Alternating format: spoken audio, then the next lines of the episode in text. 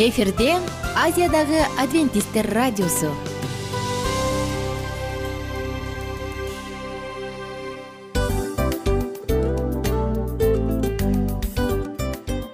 Достор салют.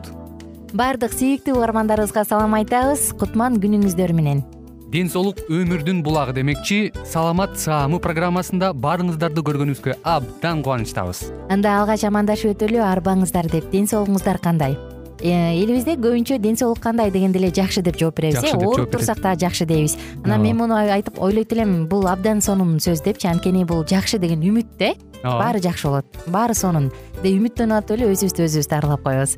Анысы кандай? Сиздин дагы ден соолугуңуз жакшы беш деген үмүттөбүз чындыгында ден соолук бул өмүрдүн булагы деп бекеринен айтылган эмес деп ойлойм. Кыргыз элинде анткени эгерде ден соолук жок болсо анда адамдын жашоосунда калган баардык керектүү маңыздуу нерселер өзүнүн баалуулугун жоготуп коет. Ошондуктан ден соолук бул эң керектүү нерсе. Ооба туура айтасың кесиптешим. Чынында ден соолугуң жок бир эки үч күн ооруп калсаң эле э кандай болуп калат? Жашоодо көз каранды болуп каласың көп нерсеге жетишпей каласың көп нерсени кыла албай каласың жада калса эчке дүкөнгө да чыга албай каласың. Туптуура анан ден соолук болсо демек биз биздин бактыбыз тоодой деп койсок болот. Анда достор саламат саамы рубрикабызды баштайлы. Алдыда өзүңүзгө керектүү болгон сонун кеңештерди уга аласыздар. Мына ошондуктан биз менен бирге болуңуздар. Ал эми биз болсо милан жана айнура. Кеттик алга. Алга саламат саама ден соолуктун жарчысы. Саламат саама ден соолуктун ачкычы. Күн сайын сиз үчүн мыкты кеңештер сонун жаңылыктар кызыктуу фактылар. Биздин рубрикада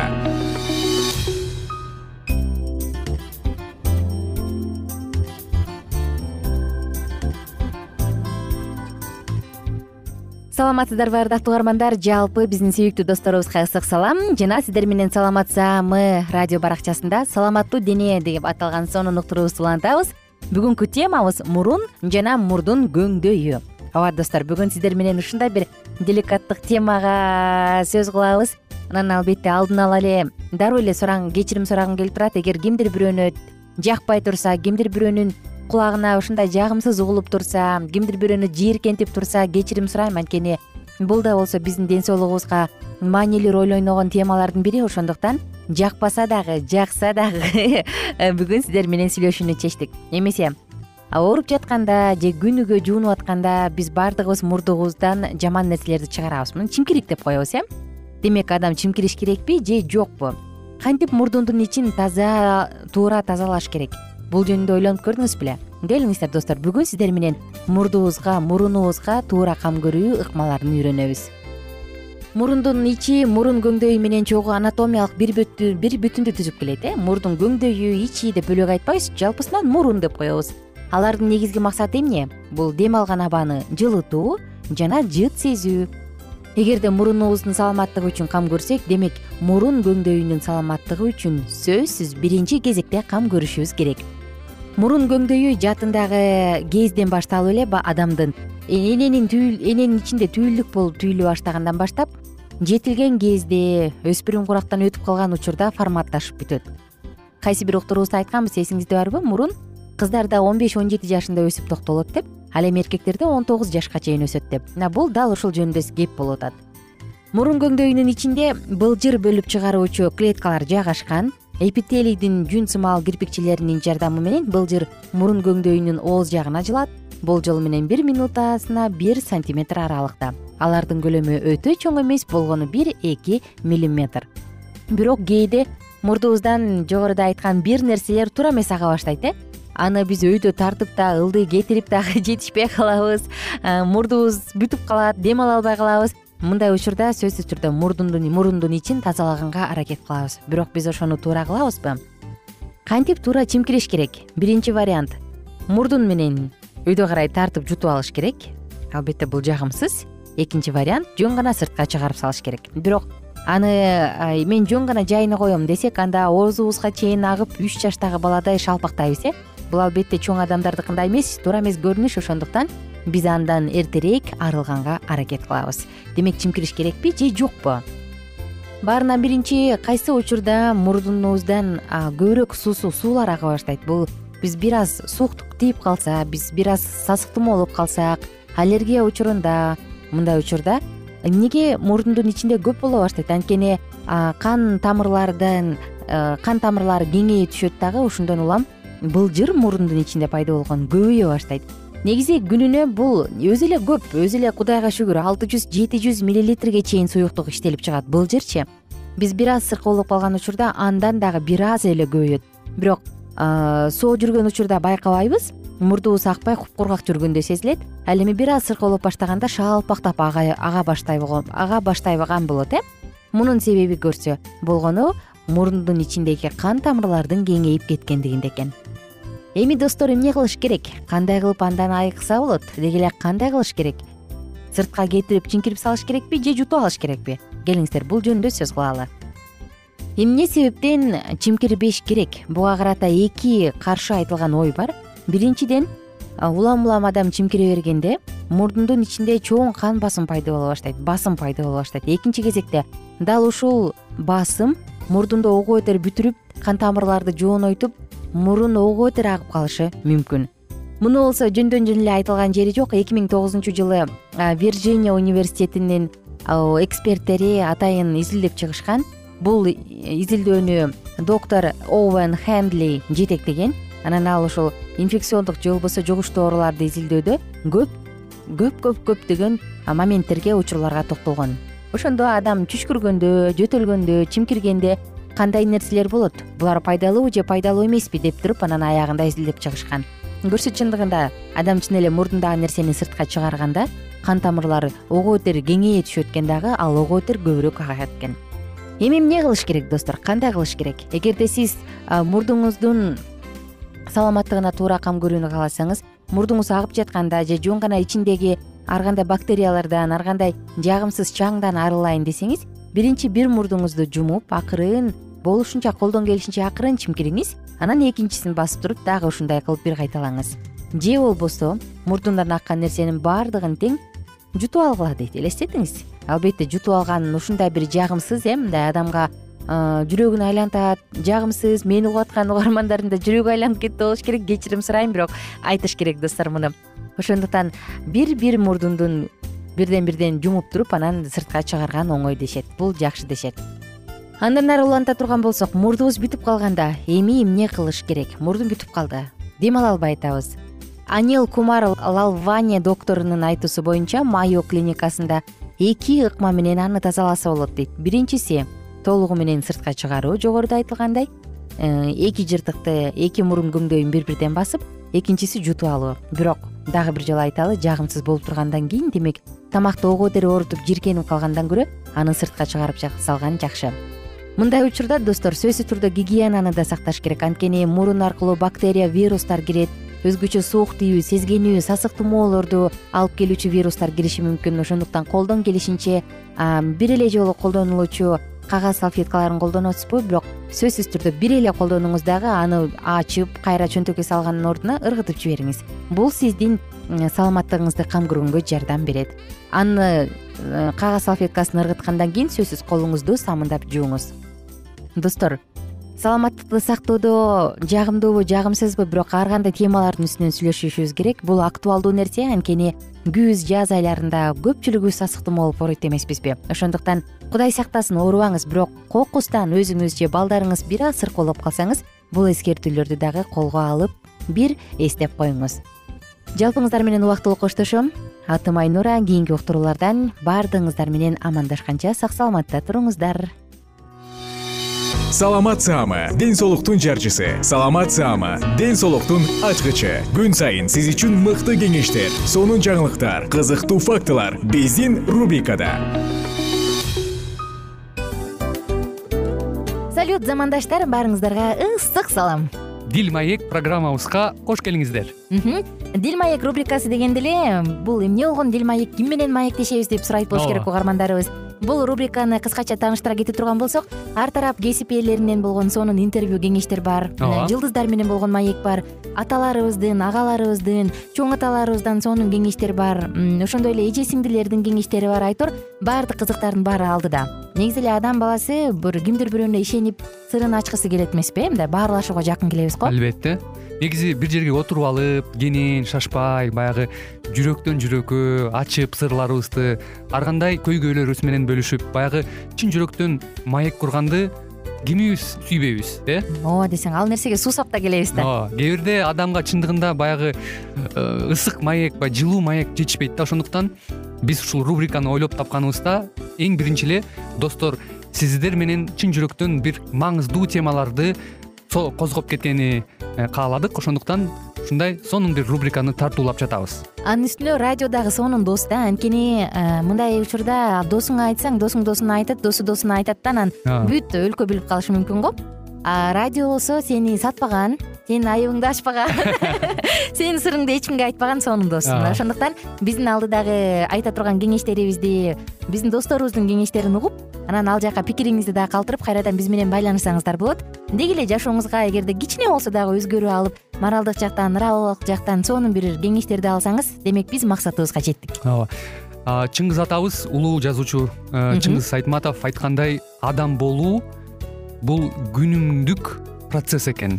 Күн сайын адам бойдон калуу бул адамзатка эң эле кыйын дейт э? э эң кыйын дейт. Чындыгында бунун негизинде адамдын эң баягы сапаттуулугу адамдын э, адамгерчилиги жана көптөгөн керектүү нерселер.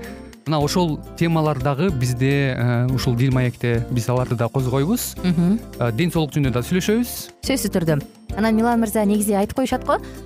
Биз көбүнчө эмнени ойлонсок? Ошол нерсеге карата иш кылабыз го. Ооба. Анан анысы кандай? Балким бул радио баракчада кимдир бирөөнүн оюн текшергенге жардам берет кимдир бирөөнүн жүрөгүн текшергенге жардам берет. Балким кимдир бирөөгө жашоонун маңызын тапканга жардам берет айтор кызыктын баары алдыда бул жөн гана кыскача жарнама анда угармандарыбыздын баардыгын кийинки рубрикабызга чакырабыз. Ал эми кызматта маңдайымда отурган кесиптешим милан жана мен айнура. Анда эмесе биз даярдаган терең терең ойлор менен таанышууга кеттик. Алыс алыс баралык анда эмесе достор биз менен бирге болуңуздар. Алдыда эң кызыктуу маалыматтардын баардыгы бир нече мүнөттөр бою жалгыз гана сизге арналат. Мына ошондуктан жакшы маанай менен угууну каалайбыз. Үн алышканча. Жөнөдүк. Ар түрдүү ардактуу кесип ээлеринен алтын сөздөр жүрөк ачышкан сыр чачышкан сонун маек дил маек рубрикасында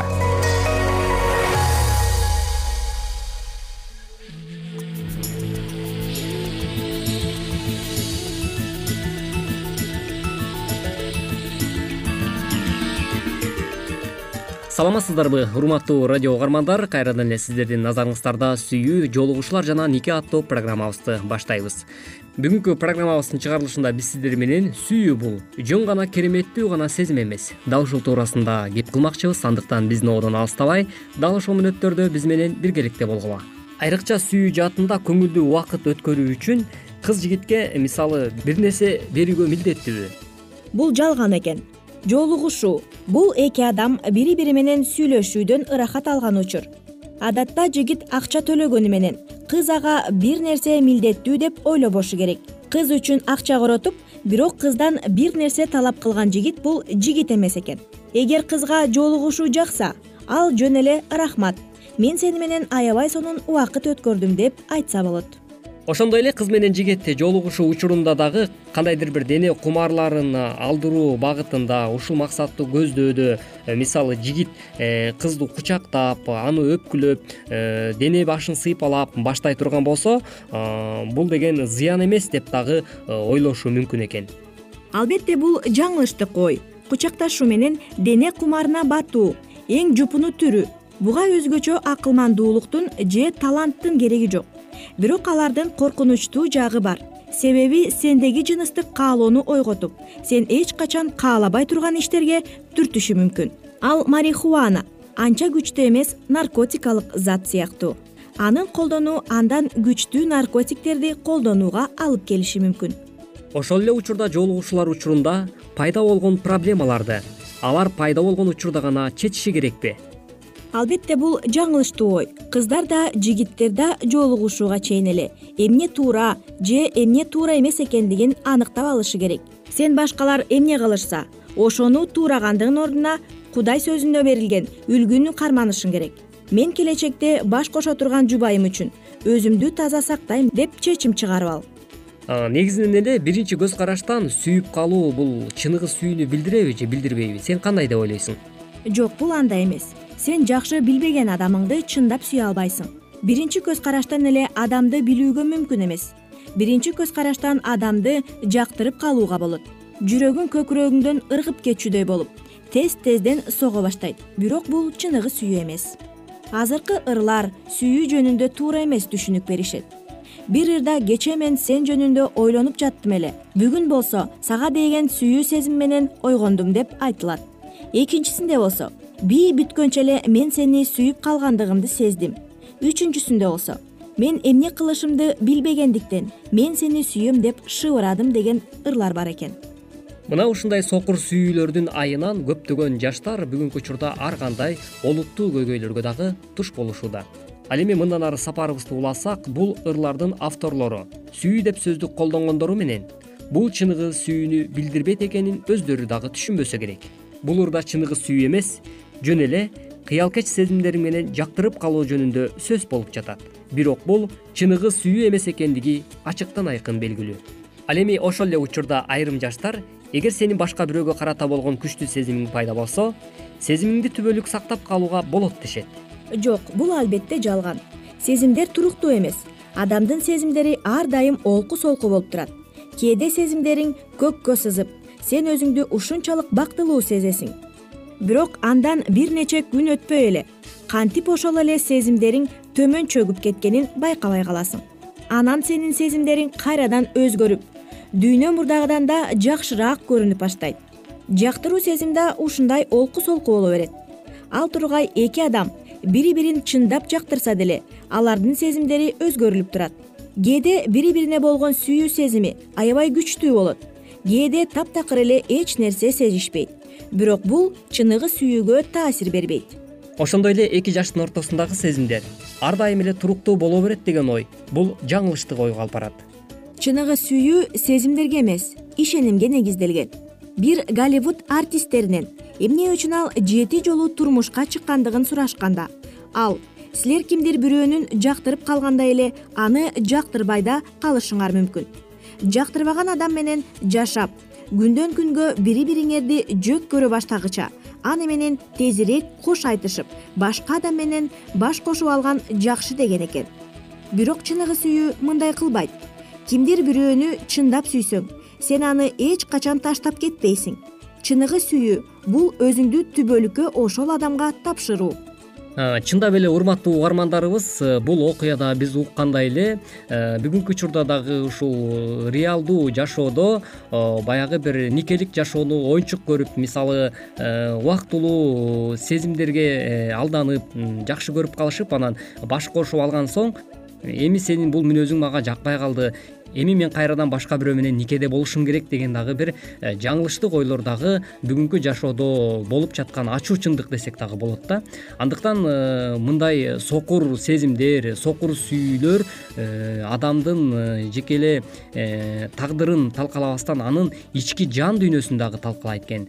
Сен жигитке жок деп айта албай аны менен жыныстык байланышта болгондон кийин ал сени мурдагыдан да көбүрөөк жактырып деген жаңылыштык ойлор пайда болот бул албетте жалган.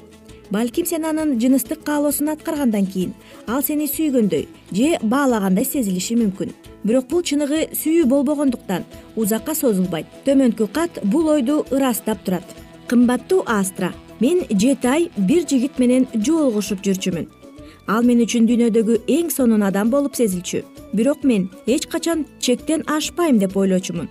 Бирок көп өтпөй эле биздин жөн эле өбүшүүлөр канааттандырбай калды ал менден өзүмдүн сүйүүмдү далилдешимди талап кыла баштады. Биз баары бир үйлөнө тургандан кийин эмне болмок эле? деп ойлодум. Мен аны менен жыныстык байланышта болгондон кийин гана эмне кылганымды түшүнүп калдым.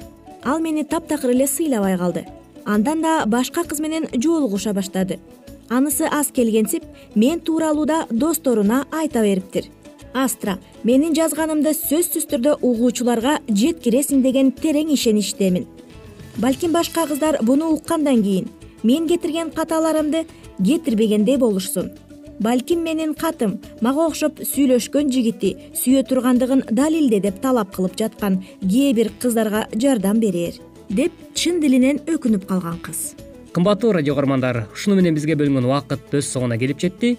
Кайрадан эле биз сиздер менен сүйүү жолугушуу нике аттуу программабыздан кезишкенче сак саламатта болуңуз ар түрдүү ардактуу кесип ээлеринен. Алтын сөздөр жүрөк ачышкан сыр чачышкан сонун маек. Дил маек рубрикасында.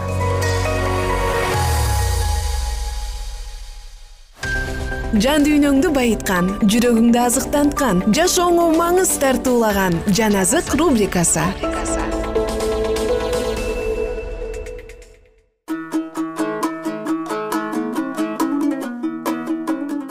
кутмандуу куш убак убактыңыздар менен достор. Баардык бизди тыңдап жаткан жер жүзүндөгү жалпы элибизге ысык салам айтабыз. Жана сиздер менен бирге бир жан азык уктуруусунда улуу күрөш китебин улантабыз. Отуз сегизинчи бап. Акыркы эскертүү. Ошондон кийин асмандан түшүп келе жаткан зор бийлиги бар башка периштени мен көрдүм.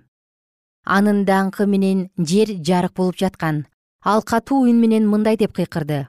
Кулады улуу шаары вавилон кулады. Ал жиндердин тура калган жери бардык таза эмес жиндердин турак жайы бардык арам жана жийиркеничтүү куштардын тура турган жери болду. Жана асмандан башка үндү мен уктум. Ал мындай деди. Менин элим бул шаардын күнөөлөрүнө катышпоо жана кырсыктарына кабылбаш үчүн андан чыккыла аян китеби он сегизинчи бап биринчи экинчи төртүнчү аяттар бул аят аян китебинин он төртүнчү бабында экинчи периштенин вавилондун кулашы жөнүндөгү жарыясын кайрадан кайталап вавилон деген ат менен бириккен ар кандай жыйындарга кирип кеткен жамандыктарын бул кабар биринчи ирет бир миң сегиз жүз кырк төртүнчү жылы айтылгандан баштап эскертет. Бул жерде диний агымдардын үрөйдү учураарлык абалы баяндалган. Ар бир чындыктан баш тартуулар. Биротоло өз ишенбестиктеринде калуусу үчүн адамдарды ого бетер кайгыга салып алардын жүрөгүн ого бетер карайтат. Кудайдын бир осуятын талкалоо максатында анын эскертүүлөрүнө каршы чыгышып аны бекем сактагандарды куугунтуктаган абалга бармайынча алар токтолушпайт. Кудайдын сөзүн жана анын элин жек көрүү менен алар машаякты дагы барка алышпайт. Качан жыйындар спиритизмдин окутуусун кабыл алышканда күнөөкөр дене үчүн эч кандай тыюу салуулар жок болот жана эң жаман жамандыктарды жашырып турган динди сыртынан гана кабыл алуу өнөкөткө айланат. Спиритизм көрүнгөн ишенимди кабыл алуу азгыруучу рухтарга жана жиндердин окутууларына жол ачып жыйындарды жамандык кылган периштелердин бийлик жүргүзгөндүгү билинет. Пайгамбарлыкта белгиленген вавилон жөнүндө мындай деп айтылат. Анын күнөөлөрү асманга чейин жеткен жана кудай анын адилетсиз иштерин эске алды.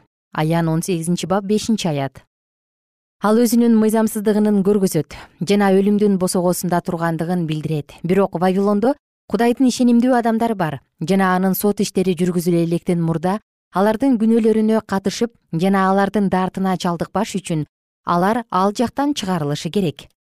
Ошондуктан асмандан түшкөн жана өзүнүн даңкы менен жерди жаркыратып жана катуу үн менен вавилондун күнөөсүн эскерткен периште катары символдонгон кыймыл көтөрүлүшү керек бул кабарга байланыштуу мындай деген чакырык айтылат. Менин элим андан чык. Бул кабар үчүнчү периште менен бирдикте жер тургундарына кайрылган акыркы эскертүү болуп саналат. Бул дүйнөнү коркунучтуу аяктоо күтүп жатат. Кудайдын мыйзамдарына каршы жер шарынын бийликтери биригишет. Жана өздөрү чыгарган мыйзамдардын негизинде кичинелерди жана чоңдорду байларды жана жакырларды эркин адамдарды жана кулдарды баардыгын мыйзамдан баш тартууга жана жалган ишенимини сактап жыйындын жоболорун сактаганга мажбурлайт. Ким аларга баш ийгиси келбей мамлекеттик бийликтердин жазасына кабыла турган болсо акыры өлүмгө татыктуу деп жарыяланышат. Жана экинчи жагында ким аны бузса кудайдын каары боло тургандыгын эскертип турган ишемби күнүндө тынчтыкта болууну талап кылган кудайдын мыйзамы. Бардык нерсе ачык жазылган. Ким кудай мыйзамын тебелесе жана адамдардын көрсөтмөлөрүнө баш ийсе ал айбандын мөөрүн алат. Ал өзү ишенимдүү болууну каалаган бийликтин белгисин алууну каалаган. Асман мындай деп эскертет.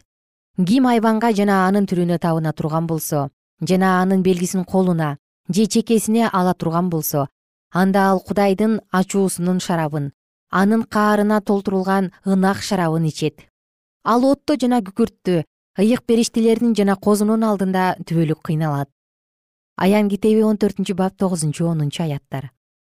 Бирок ар бир адамдын аң сезимине жана абийирине чындык жеткирилмейинче жана андан баш тартуу болмоюнча эч бир адамга кудайдын каары төгүлбөйт.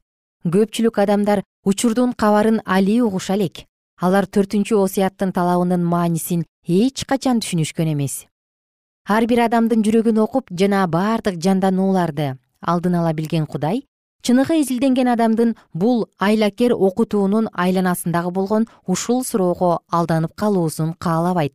Адамдар бул буйрукту билбестиктен кабыл ала беришпейт. Ар бир адам өз эрки менен чечим кабыл алышы үчүн жарык толук сунушталышы керек. Ишемби күн ишенимдүүлүктү текшере турган сынак болуп коюлган анткени ал соккуга кабылган эң башкы суроо. Качан чечүүчү саат келгенде кудайга кызмат кылган адамдар менен кудайга кызмат кылбаган адамдардын ортосунда ачык айырма болуусу керек. Мамлекеттин мыйзамы боюнча сактала турган жалган ишемби менен кудай койгон чыныгы ишембинин ортосундагы айырмачылык белги кудайга карата болгон ишенимдүүлүктүн күбөлөндүрүүсү катары коюлат. Жердик бийликтин чыгарган мыйзамын колдонгон адамдар айбандын мөөрүн кабыл алышса ким кудайдын бийлигине ишенимдүүлүк көргөзүү үчүн анын белгисин тандап ала турган болсо кудайдын мөөрүн кабыл алат.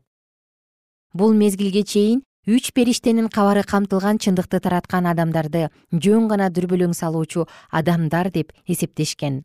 Алардын кошмо штаттарда дин жактоо болбой тургандыгы жана жыйын мамлекет менен биригип кудайдын парызын сактагандарды куугунтукка ала тургандыгы жөнүндө айтылган эскертүүлөр негизсиз жөнү жок сөздөр деген атка конгон. Жана текебердик менен бул мамлекет динди жактап келген жана мындан ары дагы жактай берет деп айтылган. Бирок ишемби күнүн кастарлоо милдеттүү түрдө болушу керектиги жөнүндөгү суроо кеңири таратылып жана бул окуянын болушуна күмөн санагандар үчүн чыныгы далил болуп келе жатат. Башта ой жүгүртүүгө дагы мүмкүн болбогон үчүнчү периштенин кабары өз таасирин тийгизүүдө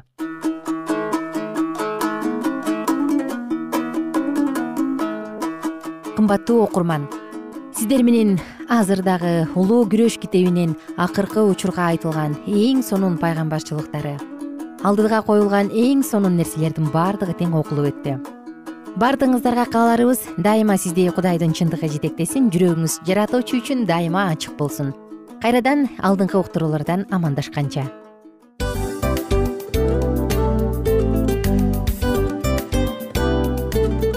ушул менен достор программабыздын уктуруубуздун эң кайгылуу мөөнөтүнө келип жеттик. Кайгылуу дегенде ыйлагым келип кетти кесиптеш. Кадимкидей. Анткени баягы учурашасың анан коштошуу учур келгенде ии кантип ии эми бат баттан келиптир э сагындырбай деп атып араң коштошобуз го анысы кандай угармандарыбыз менен коштошчу учур келди кийинки уктурууларды сагыныч менен жүрөгүбүздө кусалык менен күтөбүз жалпыңыздарды анан жарым сааттык уктуруу көз ачыш умганча өтүп кетти сөзсүз.